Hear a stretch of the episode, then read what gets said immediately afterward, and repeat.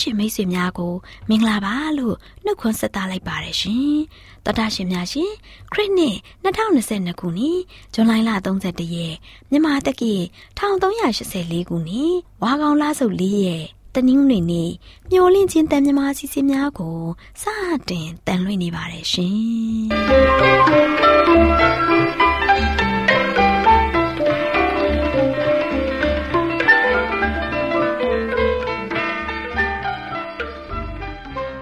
တော်တာရှင်များခင်ဗျာမျောလင်းချင်းအတန်မြန်မာအစီအစဉ်ကိုနက်နက်6နာရီမိနစ်30မှ9နာရီအထိစကြောင်မီတာ kHz 10923ညညပိုင်း9နာရီမှ9နာရီမိနစ်30အထိ25မီတာ kHz 11943ညမှအတန်လွှင့်ပေးနေပါတယ်ခင်ဗျာဒီကနေ့တနင်္ဂနွေနေ့မှာထုတ်လွှင့်ပေးမယ့်အစီအစဉ်တွေကတရားဒေသနာဟောကြားခြင်းအစီအစဉ်ကျမ်းမာပျော်ရွှင်လူပေါင်းတွင်အစီအစဉ်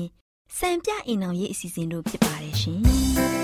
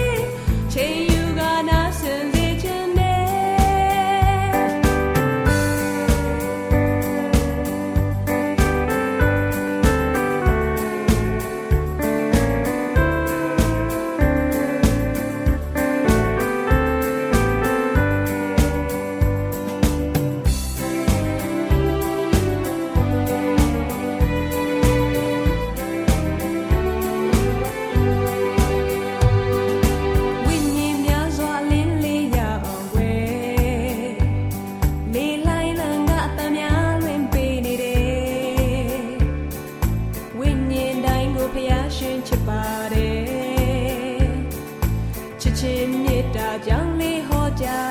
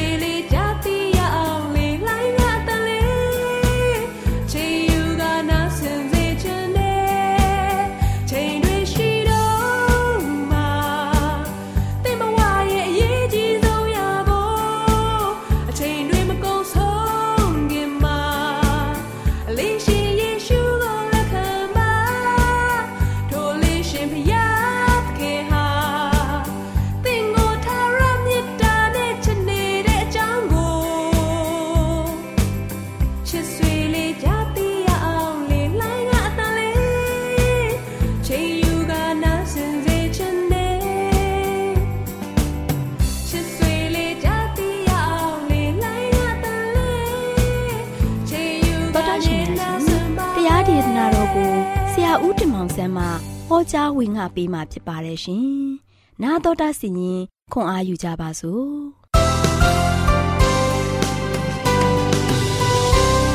တောင်းမိတ်ဆွေဝဆုံနေကြပါစေလို့ရှေးဥစွာနှုတ်ခွန်းဆက်တတ်ကြပါတယ်။ဒါကြောင့်ယခုချိန်ကမှလို့ရှိရင်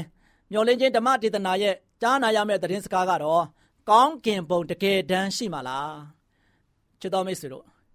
ယနေ့မိတ်ဆွေတို့ကြားမှာဆိုလို့ရှိရင် ကောင်းကင်ဘုံနဲ့ပတ်သက်ပြီးတော့ယုံမှားတန်တရားတွေရှိနေကြတယ်။တကယ်များဟုတ်ပါမလား။ယုံတန်းစကားတွေများလား။ချစ်တော်မိတ်ဆွေတို့ဖခင်ရဲ့နိုင်ငံတော်တန်တရားများနဲ့ယုံမှားခြင်းတွေနဲ့ကျွန်တော်တို့စိတ်ကူးရင်ဖို့မဟုတ်ဘူး။ဖခင်ရှင်ကိုယ်တိုင်ကကျွန်တော်တို့အတွက်အခမဲ့တိဆောက်ပေးထားတဲ့မြို့တော်ဖြစ်ပါတယ်။ယုံတန်းစကားလို့ထင်မှတ်ပြီးတော့ဖခင်အားတန်တရားရှိတဲ့လူများအတွက်ကတော့တမန်ကျမ်းစာကဘလို့ပြောထားတယ်ဆိုရင်ဗျာဒိတ်ကြံခိုင်း21 အငယ်၈မှာဆိုလို့ရှိရင်တွေ့ရပါတယ်။ကြောင်းရွံ့တတ်သောသူမယုံကြည်သောသူဆက်ဆုပ်ယွန်းရှာပွေသောသူလူအသက်ကိုတတ်သောသူမတရားသောမေထုံ၌မိဝဲသောသူတစ္ဆာပြတ်သောသူအပေါင်းတို့အားဒုတိယသေခြင်းတည်းဟုသောကန့်နှင့်လောင်သောမိအိုင်တဲ့၌မိမိတို့အဖို့ကိုရကြလိမ့်မယ်ချစ်တော်မိတ်ဆွေတို့ကောင်းကင်မှာအပြစ်နဲ့အပြစ်သားဟာဆိုလို့ရှိရင်ရှိတော့မှာမဟုတ်တော့ဘူး ယေရုရှလင်မြို့သစ်လမ်းများပေါ်မှာဆိုရှင်လူရက်တဲ့သူများလူကိုတတ်တဲ့သူများလှဲ့လေကြတော့မှာမဟုတ်တော့ဘူးအကြမ်းဖက်ခြင်းနဲ့အပြစ်လုပ်ခြင်းနဲ့ညှဉ်းညိုးခြင်းတွေလည်းရှိတော့မှာမဟုတ်တော့ဘူးကောင်းကင်ဘုံဟာလို့ရှိရင်တကယ်ဒုက္ခဘုံဖြစ်လိမ့်မယ်ဖယားသခင်ရဲ့အလိုတော်ကိုလူတိုင်းကလှုပ်ဆောင်ကြလိမ့်မယ်ချစ်တော်မိတ်ဆွေတို့ကောင်းကင်ဘုံတကယ်တမ်းရှိမလားဝိညာဉ်ကဘာလို့ဖြစ်နေမလား ခန္ဓာကိုယ်မရှိဘဲနဲ့လေဟုန်၌မျောနေကြမယ်စသည်ဖြင့်ဟောပြောတဲ့တွေသုံးသင်တန်တွေကျွန်တော်တို့ကြားဘူးလိမ့်မယ်ကျမ်းတကားကိုနားထောင်ကြပါစို့ရှင်လုကာခရစ်ဝင်ခန်းကြီး23အငယ်54ကနေမှ56မှာတို့ရှိရင်သခင်ယေရှုအသေးခံခြင်းနဲ့တကြိုချင်းအကြောင်းကိုဖော်ပြထားပါတယ်ထိုနေ့ကအဖိနှိပ်ဖြစ်၍ဥပုံနှင့်ချိန်နီးတည်းဂါလိလဲပြည်ကကိုတော်နှင့်အတူသောမိန်းမများသည် တင်းញိုင်းတော်တို့၎င်းအလောင်းတော်ကိုဘယ်သို့ထားသည်ကို၎င်းအကျင့်ရှုလာကြ၏ထိုနောက်မှပြန်သွားပြည့်လျင်စီမွေးနှင့်နတ်သားမျိုးကို ပြင်ဆင်၍ပညာတော်အတိုင်းဥပုံနှင့်၌အလုံးမလုတ်ဘဲနေကြ၏ခုနှစ်ရက်တွင်ပထမနေ့ရဲ့အာယုံတက်သောအချိန်၌ထိုမိန်းမတို့သည် အခြားသောမိန်းမတို့နှင့်အတူမိမိတို့ပြင်ဆင်သောနတ်သားမျိုးကိုဆောင်လျက်သင်္ချိုင်းတော်သို့ သွားကြ၏ရောက်သောအခါတွင်းဝ၌ပိတ်သောကြောက်သည်လှိမ့်လန်လျက်ရှိသည်ကို တွေ့မြင်၍အတွင်းသို့ဝင်သောသခင်ယေရှုအလောင်းကို မတွေ့ကြ။နော်ရှင်လုကာခရစ်ဝင်ခန်း24ငယ်1ကနေမှ3မှာပြောပြထားပါတယ်။ဘာကြောင့်သခင်ယေရှုအလောင်းကို မတွေ့ကြရတာလဲ။သခင်ယေရှုရှင်ပြန်ထမြောက်တဲ့အတွက်ကြောင့်သခင်ယေရှုအလောင်းကို မတွေ့ကြရတာဖြစ်ပါတယ်။ချစ်တော်မိတ်ဆွေတို့သခင်ယေရှုကအသေးခံပြီးပြီ။ သေဆုံးပြီးပြီ။သင်ချိုခြင်းခံပြီးတော့ရှင်ပြန်ထမြောက်ပြီးပြီ။နံဝိညာဉ်အားဖြင့်ရှိသလား။ခန္ဓာကိုယ်နဲ့ရှိသလားသခင်ယေရှုသေဆုံးမသွားမီမှာလို့ရှိရင်ကျွန်ုပ်တို့ခန္ဓာကိုယ်ကဲ့သို့ရှိပါတယ်သေခြင်းမှာရှင်ပြန်ထမြောက်တဲ့ခါမှာလဲခန္ဓာကိုယ်တကယ်ရှိပါတယ်ဒါကြောင့်ရှင်လုကာခရစ်ဝင်ခိုင်း24အငယ်36ကနေ42ကိုဖတ်ကြည့်ပါထို့သောအချင်းချင်းပြောဆိုသောအခါယေရှုသည် သူတို့အလယ်၌ရပ်နေတော်မူလျက်သင်တို့အားငြိမ်သက်ခြင်းရှိသေးတယ်ဟု မိန့်တော်မူ၏သင်ញိုင်းကူဝါမှာတကက်ခန္ဓာကိုယ်နဲ့သခင်ယေရှုထွက်လာပါတယ်။ထိုနည်းတူစွာဖြင့်ရှင်ပြန်ထမြောက်ရာနေ့မှာကျွန်တော်တို့သေလွန်သောသူများလဲတကက်ခန္ဓာကိုယ်နဲ့သင်ញိုင်းမှာကျွန်တော်ထွက်လာမှာဖြစ်တယ်။ကောင်းကင်ဘုံမှာကျွန်တော်တို့ဟာဆိုရှင်တကက်ခန္ဓာကိုယ်နဲ့တကယ်အသက်ရှင်မှာဖြစ်တယ်။ဒါကြောင့်ဒီကောကောရိန္သုဩရစာပထမဆောင်ခန်းကြီး15 အငယ်9တဲ့9 9တဲ့55ကိုဖတ်ကြည့်ကြပါစို့။နည်းနည်းသောအရာတစ်ခုကိုငါပြဦးမည်။ငါတို့ရှိသမျှသည်အိပ်ပျော်ကြရမည်မဟုတ်သို့တော်လည်းနောက်ဆုံးတဘိုးမုတ်သောအခါတခဏချင်းမျက်စိတမိတ်ငါတို့ရှိသမျှသည် ပြောင်းလဲခြင်းသို့ရောက်ကြလိမ့်မည်တဲ့ချစ်တော်မိတ်ဆွေတို့ဖရာသခင်ကျွန်တော်တို့ဘုရားသခင်ရဲ့နိုင်ငံတော်မှာကျွန်တော်တို့ကခန္ဓာဝိညာဉ်နဲ့ကျွန်တော်တို့တကယ်ပဲအသက်ရှင်မှာဖြစ်တယ် ဒါကြောင့်ထိုတဘောမုတ်ချိန်ရောက်သောအခါသေလွန်သောသူတို့သည် မပေါက်နိုင်သောအပြစ်၌ဒီလျက်ထားမြောက်၍ငါတို့ရှိသမျှသည် ပြောင်းလဲခြင်းသို့ရောက်ကြမည်ယခုမျက်မှောက်ပေါက်တတ်သောအရာသည် မပေါက်နိုင်သောဖြစ်တော်၎င်းဤသေတတ်သောအရာသည် မသေးနိုင်သောအဖြစ်သို့၎င်းဝင်စားသောအခါသေခြင်းသည် အောင်ခြင်း၌နင်းမြုပ်ပြီဟုကျမ်းစာ၌လာချက်ပြည့်စုံလိမ့်မည်။အိုးသေမင်းသင်ဤသင်ဤလက်နက်သည်အဘယ်မှာရှိသနည်း။ အိုးမရနိုင်ငံသင်ဤအောင်မြင်ခြင်းသည်အဘယ်မှာရှိသနည်း။သခင်ယေရှုကျွန်တော်တို့ရဲ့ခန္ဓာကိုယ်ကိုတခဏမျက်စိတမိုက်တွင်မှာဆိုရှင်ပြောင်းလဲပေးလိမ့်မယ်။သေနိုင်ပုတ်နိုင်ဆွဲနိုင်တဲ့ကျွန်တော်တို့ရဲ့ခန္ဓာကိုယ်အားဆိုရှင်သခင်ယေရှုရဲ့ခန္ဓာကိုယ်ကဲ့သို့ထာဝရတည်ရှိတဲ့ခန္ဓာဖြစ်လာမယ်။ယနေ့မှာဆိုရှင်ကောင်းကင်ဘုံမှာဆိုရှင်ခန္ဓာကိုယ်နဲ့သခင်ယေရှုသက်ရှင်နေပါတယ်။ဒုတိယအကြိမ်ပြန်လဲကြွလာတဲ့အခါမှာလဲ ခန္ဓာဒီခန္ဓာကိုယ်နဲ့ပဲကျွန်တော်တို့ဒီကိုကြွလာမှာဖြစ်တယ်။ဒါကြောင့်သင်နဲ့ကျွန်တော်တို့အတွက်သခင်ယေရှုဟာဆိုရှင်နေရာပြင်ဆင်ထားပေးပါတယ်။အဲ့ဒီနေရာကတော့ကောင်းကင်ဘုံမှာဖြစ်တယ်။ကောင်းကင်ဘုံတကယ်တမ်းရှိပါတယ်။တကယ်ရှိတဲ့ကောင်းကင်ဘုံကိုရောက်ရှိဖို့ရန်အတွက်ဖယားရှင်ဘက်မှာကျွန်တော်သစ္စာရှိကြပါစို့။အားလုံးကောင်းကင်နိုင်ငံတော်ရဲ့စုကျေးစုကိုခံစားရကြပါစေလို့လည်းဆုတောင်းဆန္ဒပြုချင်ပါတယ်။ အားလုံးဖယားရဲ့ကောင်းမြတ်ခြင်းနဲ့တူကျွန်တော်တို့ဖယားပေးတဲ့ကောင်းကင်ဘုံမှာအရောက်တိုင်းဝင်စားကြပါစို့လို့ဝင်စားခြင်းခံစားရပါစေလို့လည်းဆုတောင်းဆန္ဒပြုနေပါတယ်။အားလုံးပါဘုရားကောင်း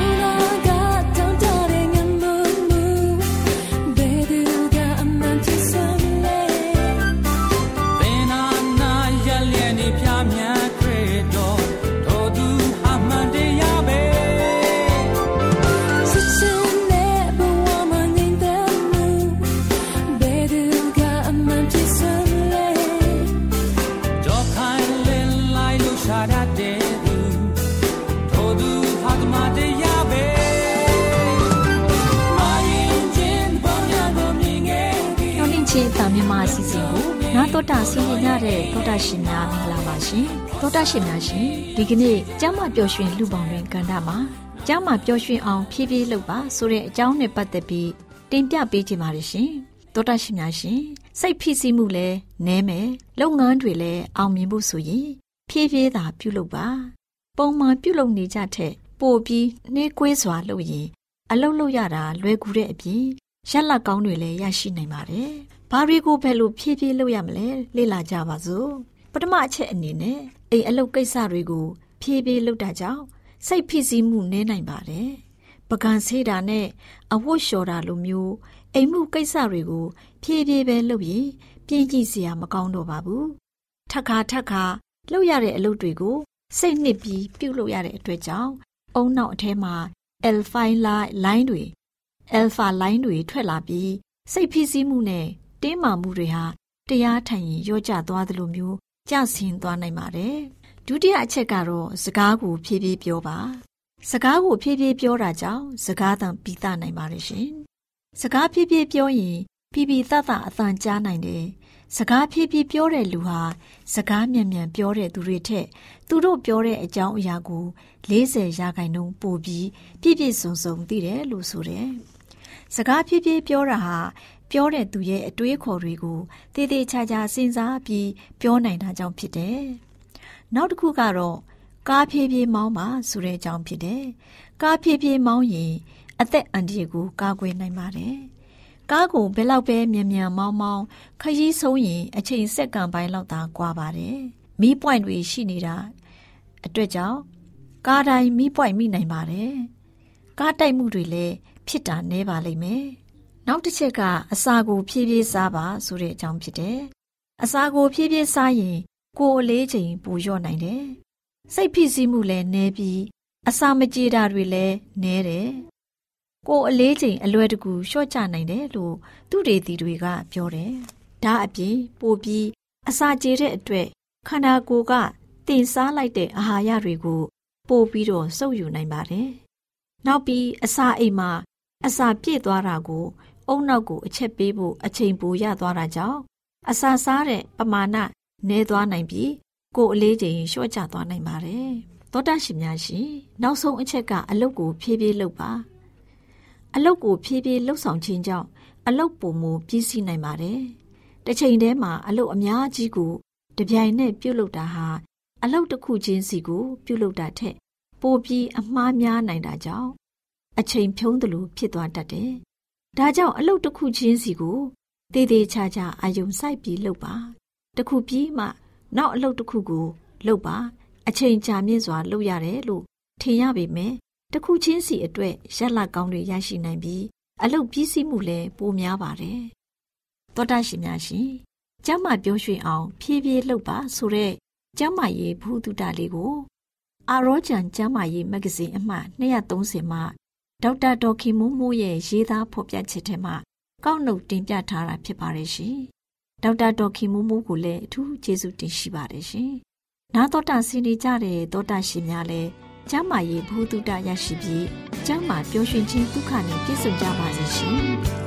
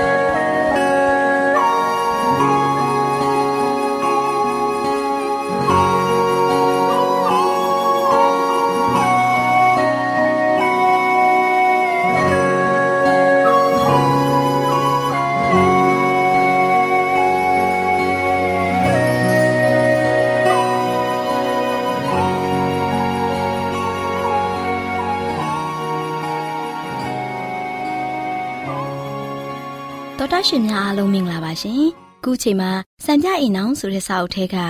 မိသားစုစီမံကိန်းဆိုတဲ့အကြောင်းအရာနဲ့ပတ်သက်ပြီးတင်ဆက်ပေးချင်ပါတယ်ရှင်။တော်တာရှင်များရှင်မိခင်သားသမီးနဲ့လူအဖွဲ့အစည်းတို့အားစိတ်ဆင်းရဲစေနိုင်တဲ့အမှားအကြောင်းပြောပြချင်ပါတယ်။သားသမီးများမွေးဖွားခြင်းဟာတရားမျှတမှုဖြစ်သည်မဖြစ်သည်ကိုစဉ်းစားဆင်ခြင်မှုမရှိဘဲကြည့်ရှုပြုစုခြင်းခံရရန်၎င်းတွင်တင်ဆုံးမခြင်းခံရရန်၎င်းမိဘများအပေါ်တွင်လုံးဝအားကိုးအားထားပြုနေတဲ့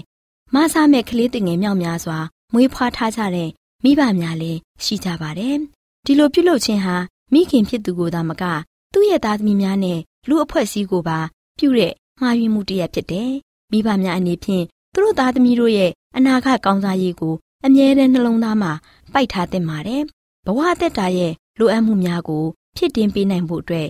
တနေကုန်တနေကန်ပြင်မကြီးစွာလောက်ကင်ဆောင်ရွက်ရတဲ့အခြေအနေမျိုးကိုမရောက်ရှိသင့်ပါဘူး။ အိမ်အောင်သားဥယေတိုးပွားအောင်မပြုမီသူတို့ရဲ့သားသမီးများမွေးဖွားခြင်းဟာဖျားသခင်ရဲ့ဂုဏ်တော်ကိုချီးမွမ်းရာရောက်သည်မရောက်သည်ကိုစဉ်းစားဆင်ခြင်တင်ကြပါတယ်။အိမ်အောင်ပြုပြီးတဲ့ပထမဦးဆုံးနှစ်မှစပြီးအိမ်အောင်သက်တစ်လျှောက်လုံးမှာသူတို့ရဲ့အကျင့်လင်းများဘဝဟာဖျားသခင်ရဲ့ဂုဏ်တော်ကိုချီးမွမ်းစေမဲ့ဘဝမျိုးဖြစ်စေရန်ကြိုးပမ်းတင်ကြပါတယ်။မိခင်ရဲ့ကျမ်းမာရေးရလည်းအရေးကြီးပါတယ်။မိဘများအပေါ်မှာကြီးလေးတဲ့တာဝန်ရှိမှုကြောင့်အိမ်တော်မှာသားသမီးများမွေးဖွားခြင်းဟာ အကောင်းဆုံးဖြစ်သည်မဖြစ်သည်ကိုတေချာစွာစဉ်းစားဆင်ခြင်သင့်ပါတယ်။သူမရဲ့သားသမီးများကိုကြည့်ရှုပြုစုရန်မိခင်မှာလုံလောက်တဲ့အင်အားရှိသလား။ဖခင်နေဖြင့်သားသမီးများအားမှန်ကန်စွာ ပုံသွင်းပေးခြင်းနဲ့ပညာသင်ပေးခြင်းများဖြစ်တဲ့အကျိုးကျေးဇူးတွေကိုဆောင်ရွက်ပေးစွမ်းနိုင်သလား။ကလေးရဲ့ကံကြမ္မာကိုကြိုတင်စဉ်းစားဆင်ခြင်မှုဟာနှဲပါလာပါတယ်။ကိလေသာတက်မဲ့ခြင်းကိုသာအာသာဖြေဖို့အတွက်နှလုံးသွင်းထားကြတဲ့အတွက်မိခင်နဲ့ဇနီးဖြစ်သူရဲ့ ခန္ဓာအင်အားကိုဆုပ်ယုပ်စေပြီးသူမရဲ့ဝိညာဏအင်အားကိုထုံထိုင်းစေတဲ့ဝန်ထုတ်ကြီးကိုသူမအပေါ်သို့ရောက်စေပါတယ်။ချွတ်တဲ့တဲ့ကျမ်းမာရေးနဲ့စိတ်အားငင်နေရတဲ့အချိန်မှာသူမကြည့်ရှုပြုစုခြင်းမပြုနိုင်တဲ့သိုးစုကလေးတွေဟာသူမအားဝန်းရံထားကြတာကိုသူမတွေ့မြင်နေရတယ်။သူတို့ရတင်ရထိုက်တဲ့တွင်တင်ဆုံးမမှုကိုမရရှိတဲ့အတွက်ဒီကလေးငယ်တွေဟာဖျားသခင်ရဲ့ဂုဏ်တော်ကိုချီးမွမ်းရမှန်းမသိပဲကြီးပြင်းလာပြီးသူတို့ကိုယ်တိုင်တဘာဝရဲ့ဆိုးရုပ်ညဉ့်ညမ်းမှုတွေကိုသူတစ်ပါးကို လက်ဆင့်ကမ်းခြင်းဖြင့်စာရန်စိတ်ကြိုက်ချဲ့လဲနိုင်တဲ့တက်စုတစုပေါ်ပေါက်လာတတ်ပါတယ်။ကလေးသူငယ်တိုင်းဟာတင်းလျော်စွာပညာများစီးပူးလေသူတို့အားကလေးသူငယ်အတိုင်းအဝမ်းမှာခေါင်းဝင်ဆန့်နိုင်ဖို့တုံတင်ဆုံးမတဲ့အခါမိခင်ရဲ့ခွန်အားနဲ့အချိန်ရရှိစေဖို့မိဘများတို့ဟာစင်ကျင်တုံတရားရှိတဲ့ပုံကိုများအနေဖြင့်လောက်ကင်ဆောင်ရွက်စီရင်ဖျားသခင်အလိုရှိတော်မူပါတယ်။သူမရဲ့သားသမီးတို့ဟာအိမ်အောင်တဲ့လူအဖွဲ့အစည်းအတွက်မင်္ဂလာတရက်ဖြစ်စေဖို့မိခင်ဟာ သူနဲ့ဆိုင်တဲ့ကဏ္ဍကိုစိတ်ထားမြင့်မြတ်စွာဆောင်ရွက်ဖို့ဖျားသခင်ကိုချစ်ကြောက်ယူတည်တဲ့စိတ်တော်နဲ့သူမရဲ့လုပ်ငန်းကိုဆောင်ရွက်ရန်သူမမှာသူရတတိရှိရမယ်။ဇနီးဖြစ်ပြီးသားသမီးများရဲ့မိခင်ဖြစ်တဲ့သူဟာအချီးနှီးအလုပ်များနေမယ်ဆိုရင်စိတ်အားငယ်နေရတဲ့အခြေမျိုးနဲ့ရင်ဆိုင်စေဖို့မရှိစေဖို့ခင်မွန်းကလည်းစဉ်းစားဖြစ်တင်ပါတယ်။မြောက်များလာတဲ့ရင်သွေးငယ်တွေဟာတင့်လျော်တဲ့တင် जा ပြသမှုကိုမခံရဘဲကြီးပြင်းလာစေခြင်းအပြင်သူတို့အတွက်တရားမျှတတဲ့တာဝန်ကို မထမ်းဆောင်နိုင်တဲ့အခြေအနေမျိုးမှာသူ့သားသမီးငယ်တို့ရဲ့မိခင်ဟာရက်တီမနေစေဖို့အိမ်နောက်ဦးစီးဖြစ်သူဟာကြည့်ရှုစီမံရမယ်။မိဘတို့ဟာသူတို့အနေဖြင့်ကောင်းမွန်စွာကြည့်ရှုပြုစုပြီးပညာသင်ပေးနိုင်တဲ့ဥယျာဉ်ထက်ပိုပြီးသားသမီးများကိုမမွေးတင်ကြပါဘူး။နှစ်တိုင်းမိခင်ရဲ့ရင်ခွင်မှာမွေးဖွားစသူငယ်ကိုပိုက်ပွေနေရခြင်းဟာသူမအားပြုတဲ့မဟာမတရားမှုတစ်ရပ်ဖြစ်ပါတယ်။ဒီလိုအဆက်မပြတ်သားသမီးများမွေးဖွားရခြင်းဟာ လူမှုရေးဆိုင်ရာပျော်ရွှင်မှုကိုနှဲပါစေပြီးအများအားဖြင့်ဒီပျော်ရွှင်မှုကိုဖျက်ဆီးပြီးအိမ်နှွေးမှုဆိုင်ရာစိတ်ဒုက္ခကိုပုံမများပြားစေကြပါတယ်။သားသမီးဥယျာဉ်များပြခြင်းဟာမိဘများကသူတို့ရဲ့တာဝန်အနေဖြင့်သားသမီးတို့အားပေးကမ်းအပ်တဲ့ထိမ့်သိမ်းကြည့်ရှုပြုစုခြင်းပညာသင်ကြားပေးခြင်းနဲ့ပျော်ရွှင်မှုဆိုတဲ့ခံစား권တွေရရှိခြင်းကိုလက်လွတ်စေတတ်ပါတယ်။နားဆင်ကြကြတဲ့သောတာရှင်များအားလုံးပေါ်ဖဖျားရှင်ကောင်းကြည့်ပေးပါစီရှင်။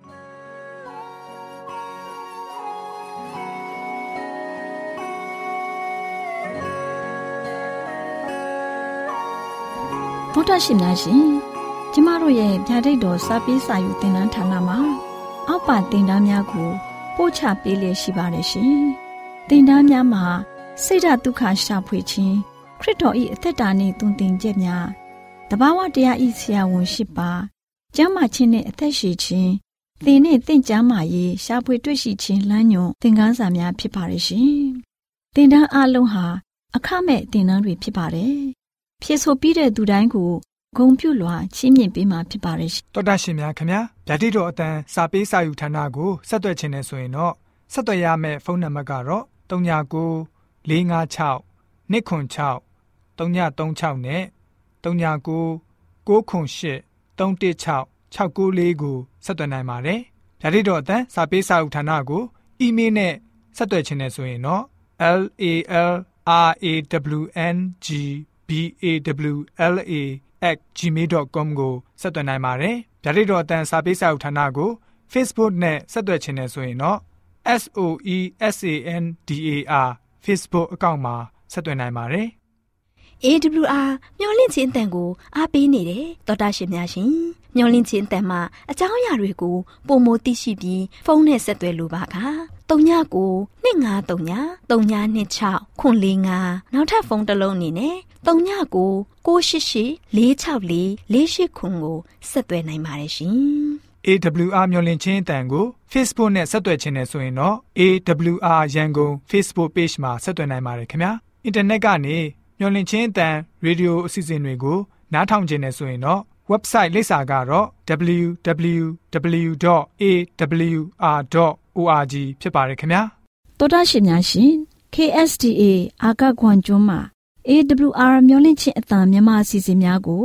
အတံလွှင့်ခဲ့ခြင်းဖြစ်ပါတယ်ရှင်။ AWR မျော်လင့်ခြင်းအတန်ကိုနာတော်တာဆင် गे ကြတော့တောတာရှင်အရောက်တိုင်းပေါ်မှာဖျားသခင်ရဲ့ကြွယ်ဝစွာသောကောင်းကြီးမင်္ဂလာတက်ရောက်ပါစေ ကိုယ်စိတ်နှဖျားစမ်းမွှေလန်းကြပါစေကျေးဇူးတင်ပါတယ်ခင်ဗျာ